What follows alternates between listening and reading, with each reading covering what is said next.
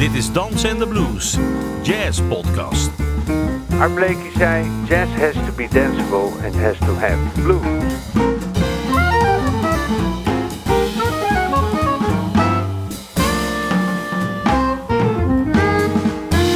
Je luistert naar een aflevering van Dansen en de Blues.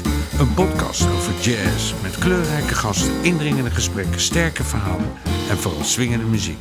Mijn naam is Ben van der Dungen en vandaag spreek ik met de Haagse trompetiste Alistair van der Molen. Als zijnde een nieuw Orleanian kan ik het heel erg waarderen als muzici een hommage proberen te brengen aan de muzikale geschiedenis van mijn stad.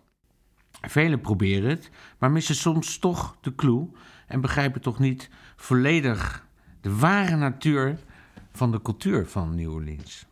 Alice daarentegen begrijpt het volkomen. Ze begrijpt de vibe en de spirit of New Orleans. Al dus de woorden van een beroemde trompetist uit New Orleans, Terence Blanchard.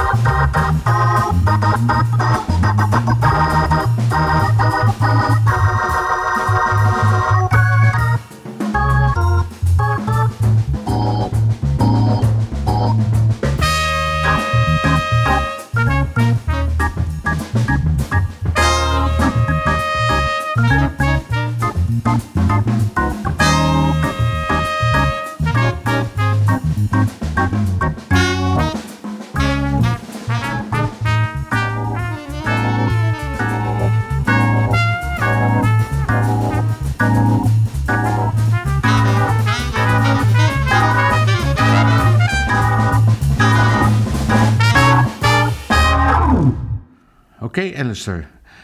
Dit was je band. Geweldige band. Zou jij eh, zo vriendelijk willen zijn om eh, te vertellen eh, wat je nou gespeeld hebt en met wie je het gespeeld hebt? Nou, dat is wel le- leuk om te... Ik, begin met, met, met, met wie ik speel, dat vind ik wel leuk. Gideon Tazelaar, tenorsax. eh Bob Wijn op orgel. Wouter Kuhne op drums. We hebben drie stukken gespeeld die allemaal eh, iets te maken hebben met New Orleans. Dat is een beetje de leidraad eh, waar we op het ogenblik mee bezig zijn. Daar zal ik later ook nog wel meer over vertellen. Het eerste stuk heette eh It Ain't My Fault. En het is ook een stuk dat je in New Orleans overal, maar ook echt overal hoort spelen. Toen speelden we Blues My Naughty Sweetie Gives To Me. Dat is een stuk dat ik persoonlijk ken van Sidney Bechet. Maar dat natuurlijk door heel veel mensen is uitgevoerd.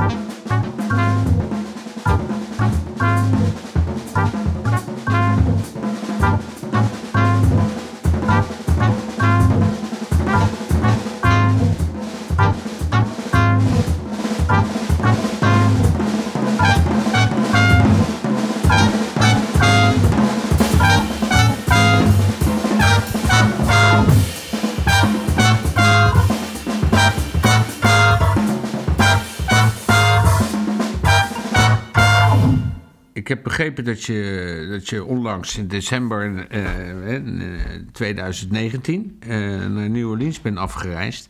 Ik zou het zo leuk vinden als je gewoon eh, ons zou kunnen vertellen eh, wat je nou eh, wat je bewogen hebt om naar New Orleans te gaan.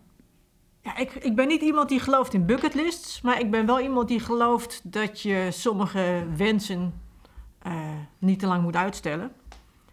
Misschien is het dan alsnog een bucketlist, maar ik heb een hekel aan het woord. Eh, ik wilde al heel lang naar New Orleans. Eh, allereerst omdat het de geboorteplaats is van de jazzmuziek. Dus het is een soort bedevaartsoord voor elke muzikant.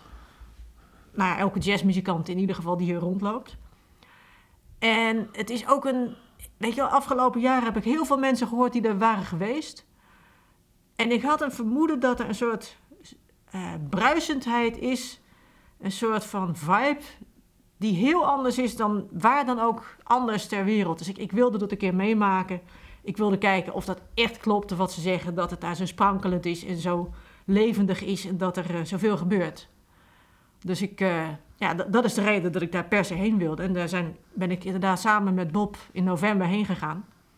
We wilden een beetje elkaars eh, ja, bescherm, hoe zeg je dat? Elkaars begeleider zijn.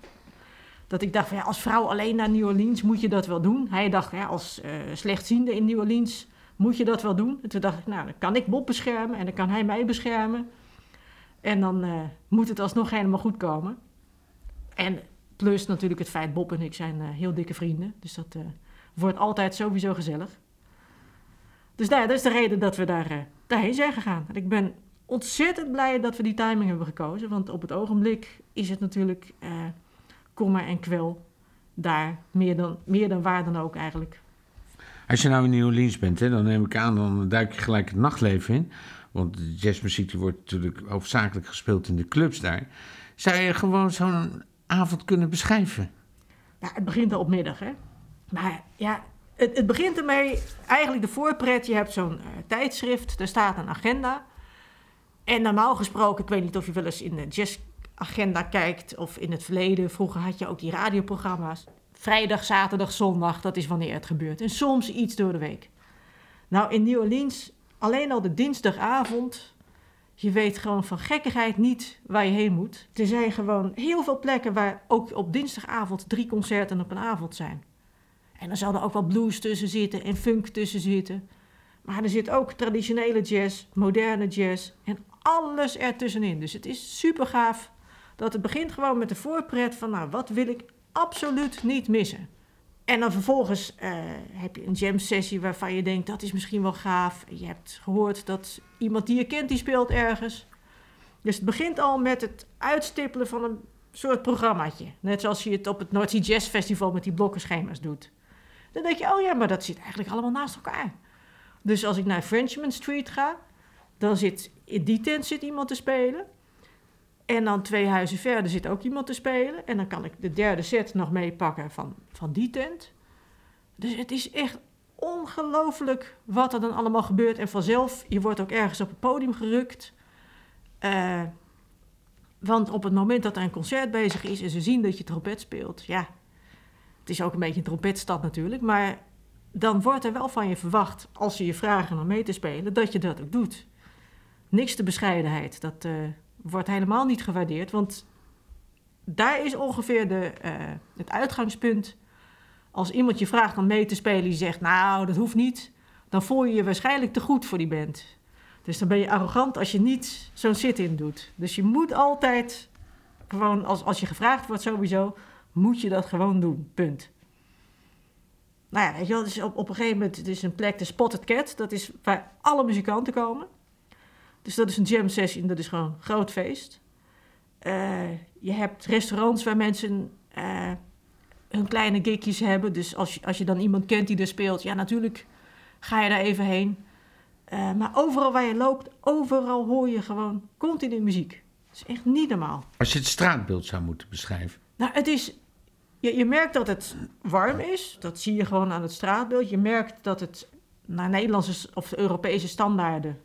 denk je ook, ja, het is toch een beetje smerig op straat. Dat zie je ook wel weer. Er is best wel wat armoede.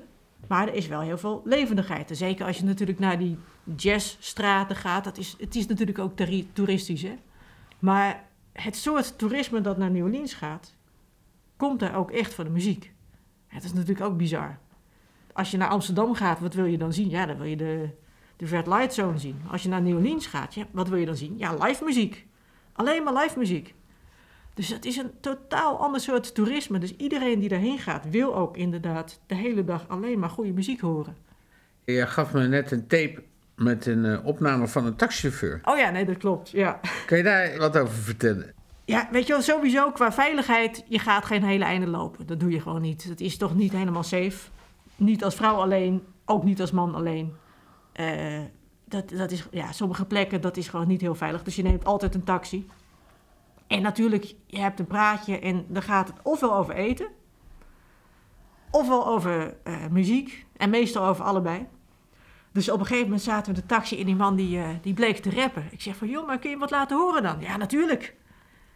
Dus eh, die, die zet zo een beat op en die begint zo mee te rappen. En het was echt een geniale ervaring om bij die gast in de taxi te zitten. Die gewoon vol trots. Ik heb ook een cd'tje van hem gekocht daarna natuurlijk.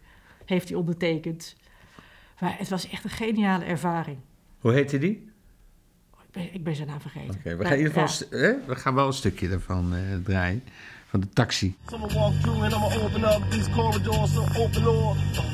My mind is on a tune they never seen. But I mean what I heard. Let the rain creep down on you. I'ma show you anybody they gon' clown on you. Uh, stop it. Uh, I mean keep on going when I'm flowing. Uh, I cool it off, but I'ma keep on showing what it is and where I come from. What you need, what you want. I said that like the third time, cause I want some. Uh, what you got, baby? Watch it switch hands. I know I'm in demand, so they call a man. Uh, oh, you want that smoke? Oh, oh, oh, you want that smoke? Oh, oh, oh, you want that smoke? I'ma watch how it go, and I'ma show you how it go. Under the fog and the lights in the night, that's how it is when I creep. It's like one, three, two when they see what they see.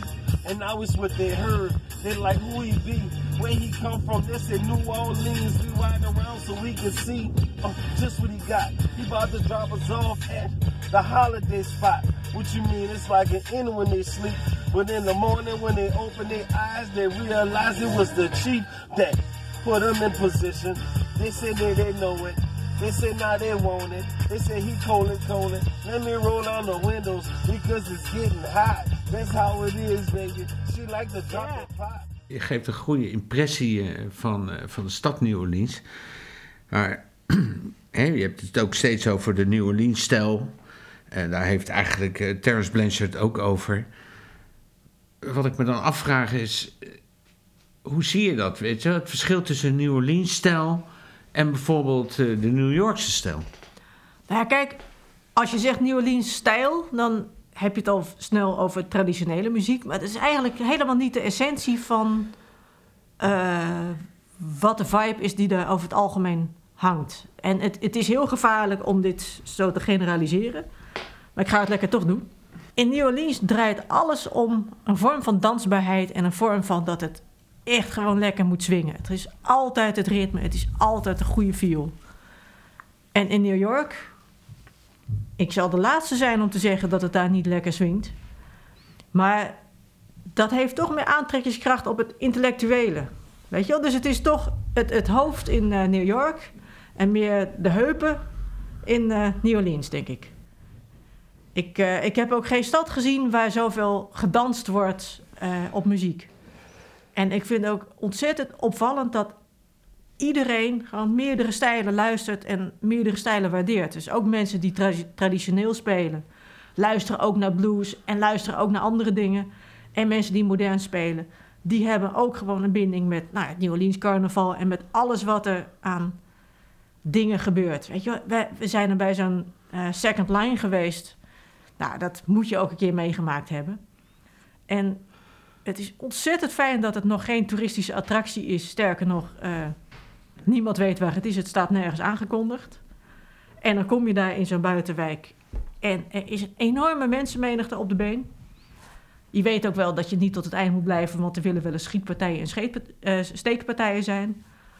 Maar het is echt een enorme happening. En ook daar een band die speelt met een paar tuba's. En het is echt een parade. En er wordt gewoon gedanst. Iedereen danst. Niemand loopt gewoon.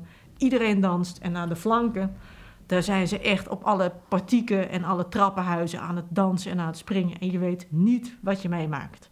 Als je wil uitleggen wat een second line is, hoe zou je dat zeg maar vertalen? Nou, je hebt de first line, dat zijn de muzikanten. En die spelen in optocht. Een beetje zoals we vroeger in Nederland de fanfare hadden. Maar dan zit er altijd een swing in. De- het heeft niks braafs, het is gewoon lekker, lekker spelen. En daar achteraan loopt iedereen achter de parade aan om mee te feesten. Dus je loopt achter de, achter de fanfare aan om het feest mee te maken en iedereen danst. En iedereen drinkt en iedereen eet en iedereen bloot en iedereen drinkt nog meer. Maar het gaat om het feest en om het gezamenlijk achter de muziek aanlopen. Dat is het feestje. En die second line, heeft die... eh, wat ik ervan weet is dat het, eh, het ook iets met de begrafenis te maken heeft. Ja, nee, dat klopt. Maar het, het, is niet iets wat alleen bij begrafenissen gebeurt. Maar als je een begrafenis hebt, dan heb je eerst het, eh, nou ja, het, het serieuze gedeelte en de droeve liedjes. Want je mag al, elke emotie mag je in gezamenlijkheid ervaren. Dus ook als je verdrietig bent, dan mag je met z'n allen keihard huilen en heel erg snikken. En dan speel je zo'n dirge. En daarna ga je ook het leven vieren. En dan ga je inderdaad met z'n allen in optocht achter de muziek. En dat hoort bij een echte begrafenis ook, ja. Dat, dat klopt wel.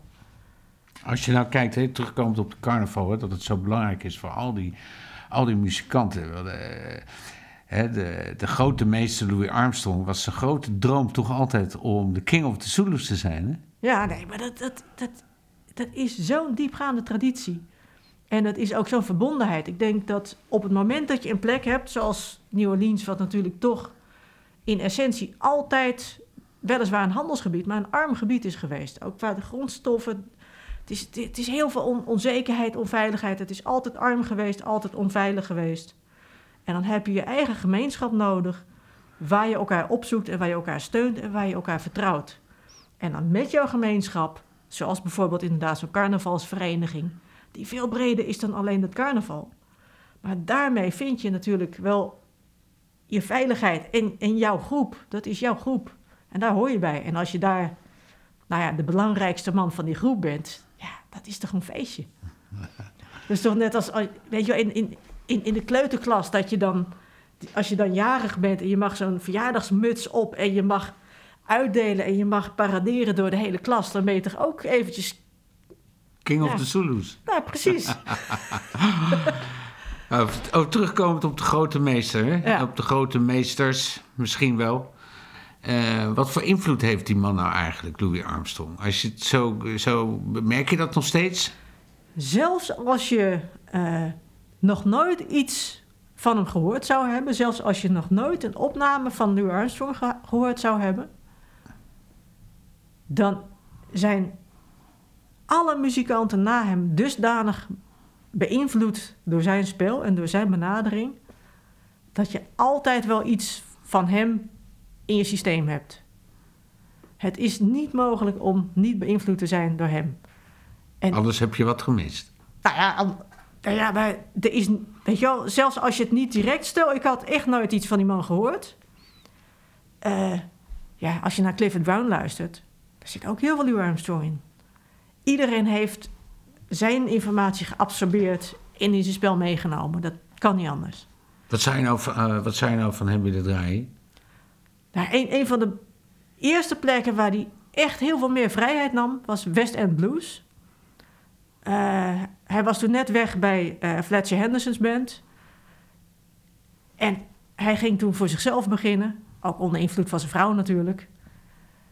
Eh, maar daar pakt hij een solo break aan het begin. En dat is echt, als je, als je, als je hem daar hoort spelen, dat... Het is en dat hij heel veel meer vrijheid pakt dan wat iedereen ervoor deed. Maar ongeacht het historisch belang, ja, het sprankelt zo. Het is zo ontzettend krachtig. Ja, daar word ik gewoon ontzettend blij van.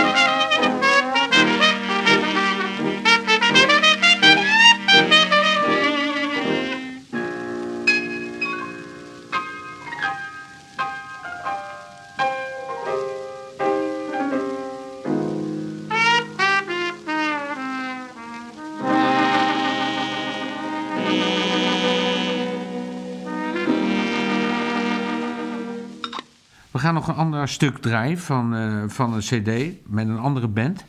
En eh, daar speel je met een andere bezetting. Ehm is opgedragen aan een eh, jazzclub, Klopt. Smalls, Smalls NYC. NYC. Ja. Ja, ik, ik vraag me af waarom je dat opdraagt aan die jazzclub daar.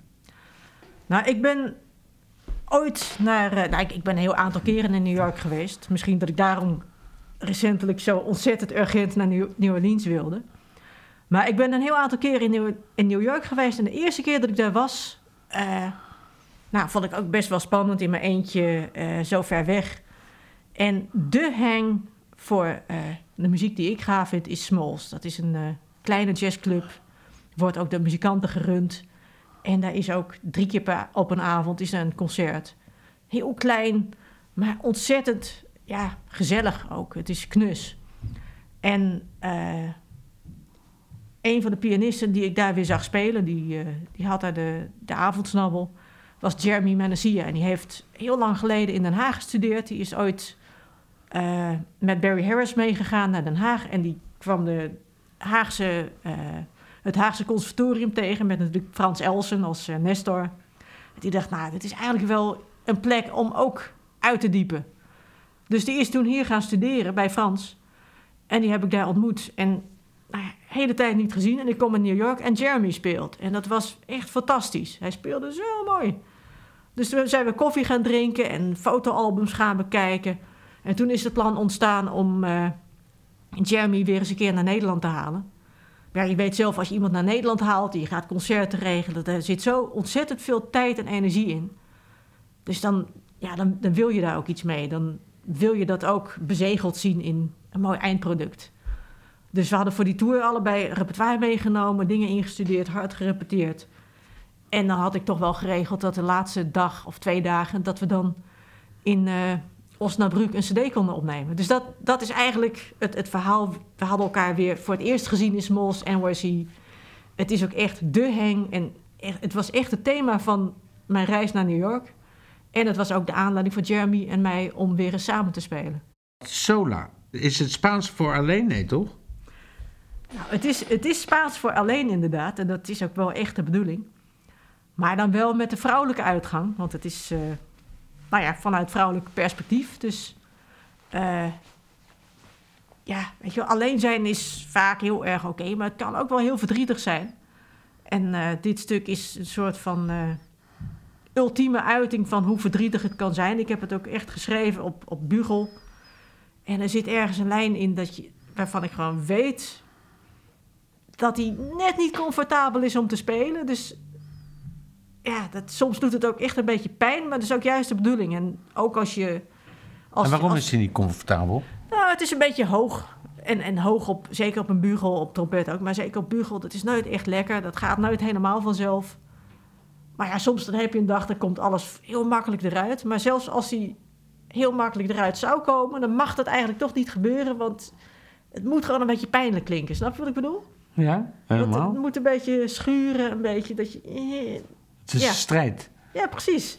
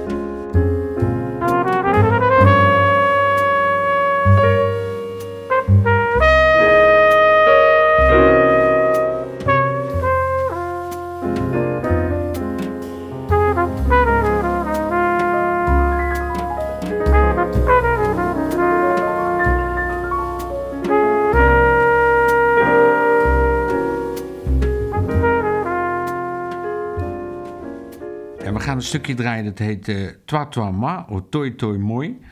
Eh, ja, ik, ik vermoed er wel iets achter, maar ik vraag me toch af of je dat een beetje kan uitleggen. En, en bovendien vind ik het interessant omdat het zo'n... eh, het heeft een hele aparte vorm eigenlijk. En ik, ik vraag me af, hoe schrijf je nou zo'n stuk? En kan, je, kan je wat vertellen over die vorm? Want het begint toch een beetje in een soort free jazz-achtige vibe. En eh voordat weet zit je in een soort eh groove gebeuren.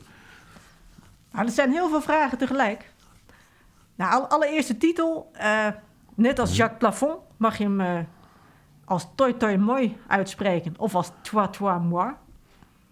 Ehm, ja, iedereen die wel eens in het theater speelt, die weet in theaters, daar is een gebruik dat je elkaar toi toi toi wenst. En dan hebben ze ook nog een soort van traditie om elkaar een soort van kleinig, kleinigheidje, een klein aardigheidje, een leuk mini cadeautje te geven.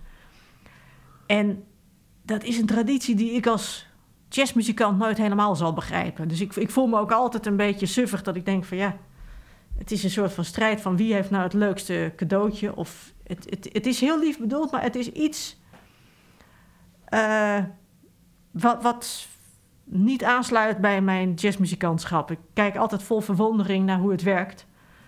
En het, gaat ook over jou en over mij.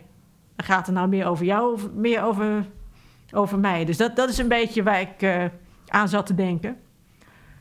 En vervolgens, als je dan vraagt van hoe zit dat stuk in elkaar? Het, het is een stuk, het is ook nooit het eerste stuk van een setlijst.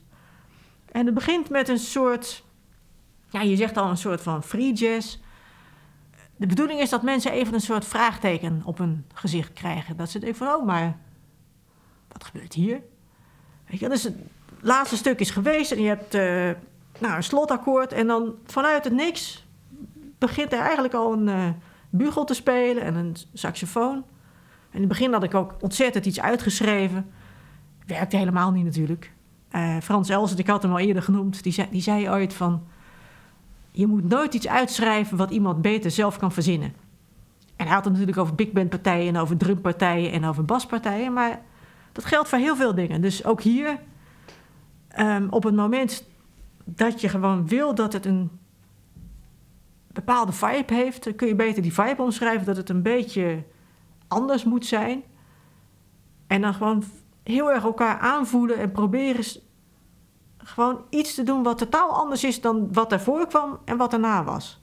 Want je wil gewoon één groot, open, ruimtelijk vraagteken creëren. En op een gegeven moment, dat is, live is dat altijd heel leuk, want Gideon en ik die gaan altijd een totaal andere kant uit dan de keer daarvoor en de keer daarna. En dan eindigen we ergens toch wel op een lange noot, of op een trillen, of op een. eh, in ieder geval op een fermate, op iets wat lang aanhoudt. En dan vanuit het niks zet Bob dan een baslijn in. En met zo'n baslijn begint dat, ja, dat is dan het idee van een groove. En waarom schrijf ik heel vaak eh, stukken beginnend met wat dan die baslijn zou moeten zijn? Ik denk dat een baslijn die geeft een soort ehm, gestalte aan waar je ritmisch heen gaat. En weet je, in, in Latijns-Amerikaanse muziek zijn mensen heel erg bezig met de klaven. Met waar de nadruk zit in de maat en waar je ook ritmisch heen speelt. En ik denk dat dat een heel fijn gegeven is dat je ergens een zwaartepunt in de maat hebt. Dat je ritmisch ook als solist, niet alleen als ritmesectie, maar juist als solist, dat je ergens inklikt, dat het ergens nou ja, een, een, bepaalde beat heeft. En dat het niet alleen melodisch georiënteerd is, maar juist qua ritmiek ook een soort kracht heeft. Dus het, het is gewoon één stuk, alleen maar groove en alleen maar één toonsoort. En nou ja, maak er maar iets moois van. Maak het maar interessant, maak maar een opbouw, maak maar spanning met iets anders dan alleen maar eh, geneuzel over akkoorden. Nou ja, dus dat, dat, dat is een beetje de, de opzet. En het leuke is ook inderdaad dat op het moment dat je dan dat iemand klaar is met zijn solo, dan kom je ineens in een soort van harmonisch ge- gebeuren waar het inderdaad harmonisch steeds een beetje stijgt. Dus dan heb je ook meteen die spanningsboog ervan. Dus dat, dat is het idee erachter. Mooi. Dus in principe is, die, is, die, eh, is de vorm van, van het stuk. Dat heeft niet. eh, eh, eh, een, een, een, normaal gesproken is het zo dat je als je een stuk speelt, dan heb je ABA-schema in Ja, zes. klopt. En dan, dan fiets je over die akkoorden heen. En tot de volgende solist zich aandient. Ja, af, af en toe mag je dingen wat ruimtelijker. En ik, ik heb niks tegen AABA. Sterker nog, ik vind het best prettig. Maar ik vind het ook dat je af en toe ergens vanaf mag stappen. En dat iets gewoon een keer mag zijn hoe je het vandaag voelt. Ik vond het een mooie opmerking dat je zei van eh, met je eh, een beetje zo, zo zit, te- zit te praten hiervoor. En dat je opeens zei iets over jazz, wat ik eigenlijk gewoon zo'n mooie typering vind. Dat je zei, ja, dingen gebeuren, je wordt erin meegezogen. Ja, nee, maar dat is ook zo. Kijk, ik ben jazz gaan spelen omdat ik dat hoorde en ik werd daarin meegezogen. Ik, ik denk, ja, dingen gebeuren ook omdat je het laat gebeuren. Weet je? je moet niet alles willen controleren. Dat vind ik uitermate vervelend als mensen dat doen. Toi, toi, mooi.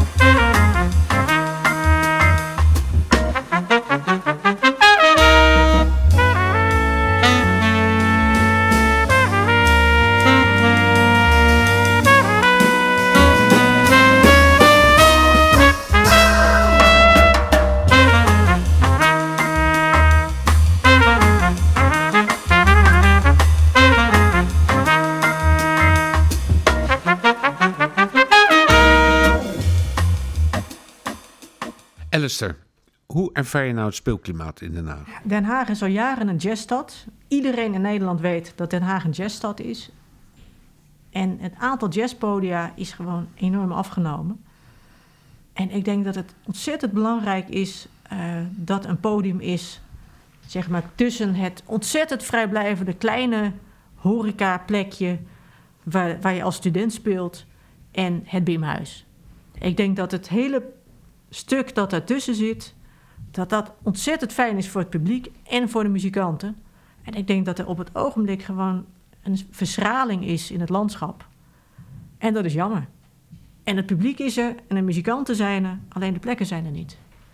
En dat is echt wel eens anders geweest. We hadden vroeger Theater Pepijn. Ik kan me herinneren toen ik nou, een jaar of elf was. Uh, en, en daarna ook. Maar elk jaar gingen wij naar Pepijn, mijn vader en ik. Uh, ben van de Dunge Jarme Hogendijk kwartet, quintet, sorry. En dan een half jaar later speelde Nueva Manteca. En een half jaar later speelde Ben Jarmo weer. En een half jaar later speelde Manteca. En ik ben elke keer bijna geweest. Uh, vanaf dat ik inderdaad heel jong was. En ja, Theater Pepijn doet al honderd jaar geen jazz meer. Je had vroeger jazz in de Tobbe, Voorburg. Mijn uh, residence op het ogenblik. Bestaat ook niet meer. Je had vroeger heel veel podia waar echt grote namen speelden en waar heel veel gebeurde. En het is zo zonde dat dat nu aan het verschalen is. En ik denk dat het belangrijk is dat er een podium is waar Haagse muzikanten in Den Haag kunnen spelen. En het publiek is er ook. Heb je ook het idee hè, dat je als, je, het hebt over eh, Den Haag en zijn muzici, er wordt altijd, altijd, eh, altijd gesproken over een Haagse stijl. Ja, persoonlijk herken ik dat helemaal niet zo. Ik, ik, ik snap wel dat in, in, in, in Den Haag een, uh, de karakter van Den Haag. Uh, als je dat eigenlijk bekijkt, hè, dat is een soort residentie. We hebben wel iets met traditie. Maar voor de rest is er een, een heel groot scala zeg maar, aan, aan, aan, aan verschillende soorten muziek ik heb toch altijd een beetje het idee dat, uh, dat de Haagse stijl uh, een soort gegeven is waar de Haagse maker zelf eigenlijk gewoon niet zo goed weet wat dat dan inhoudt. Hoe zie jij dat? Ik ben het deels met je eens, maar ik denk wel degelijk dat het, het feit dat er wordt gesproken over een Haagse school, dat gaat niet per se over de stijl zelf maar wel over de ambachtelijkheid en het gebrek aan commercie. En het gebrek aan commercie gaat natuurlijk twee kanten op. Dat betekent dat heel veel Haagse muzikanten weten zichzelf niet heel goed te promoten en te, of te verkopen. Maar heel veel Haagse muzikanten die hebben gewoon een heel hoog niveau, omdat die heel veel uren in een eh, studie hebben gestoken. En ja, die, die doen geen concessies op de stijl die zij gekozen hebben. En natuurlijk heeft Den Haag enorm de naam de, de bebopstad te zijn. Dat is ook iets waar je ook absoluut niet voor hoeft te schamen. Maar ik denk dat vooral uh, Den Haag, als je het hebt over Haagse school, ik hoor mensen met heel veel respect juist Haagse school zeggen van buiten Den Haag. En dat gaat altijd over het feit dat Haagse muzikanten zo goed geïnformeerd zijn en zo goed opgeleid zijn. Dat een Haagse muzikant zal op een wisseldominant altijd de juiste terts spelen. En die zal ook altijd een kruis 11 spelen. En die zal ook. Weet je wat, er zijn een paar dingen die je in Den Haag, in ieder geval in mijn tijd, enorm stevig meekreeg. Kwam de Frans Elsen, kwam ook door Jarme Hogendijk, kwam ook door, nou ja, noem, noem allemaal maar op. En dat stukje kennis en dat geweten, dat muzikale geweten, dat is heel typisch Haags, denk ik. Het geweten als bullshit detector. We gaan nog één stuk spelen van je band. St. James Infirmary. Een soort van uh, eerbetoon aan iemand die zijn geliefde op het, in het mortuarium ziet. En die concludeert dat het toch heel naar is om iemand zo stijf, zo koud uh, daar te zien. Dus het is eigenlijk een uh, Engelse ballade die de tijd heeft overleefd na New Orleans.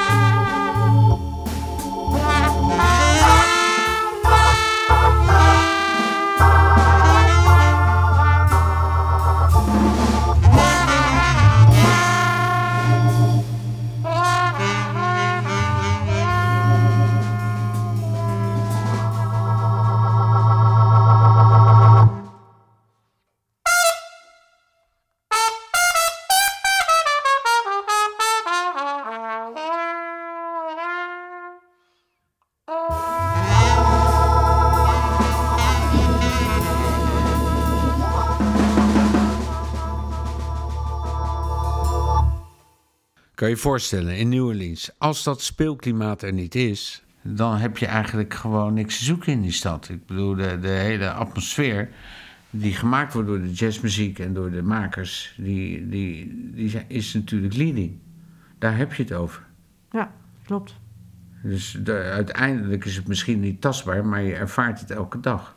De leefbaarheid van een stad zit hem in juist de dingen die het fleurig maken. Natuurlijk eh, ga je niet dood als er nergens bloempjes op straat staan. Maar het feit dat er die bloembakken staat en dat je die dingen ziet, dat maakt ook het leven leuker. Ja, Weet je wel, en dat, zo is het met muziek ook. Het hoort zo ontzettend bij het leven en het hoort zo ontzettend bij het ervaren van geluk.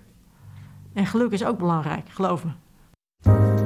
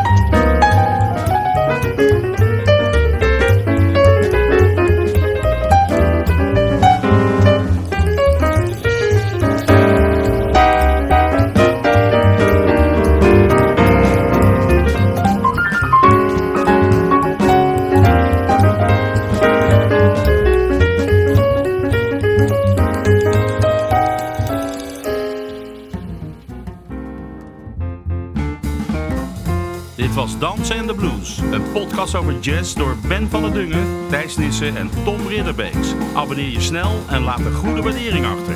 Wil je meer weten? Kijk dan op dansenendeblues.nl en volg ons op Instagram en Facebook. Dankjewel voor het luisteren en tot de volgende keer.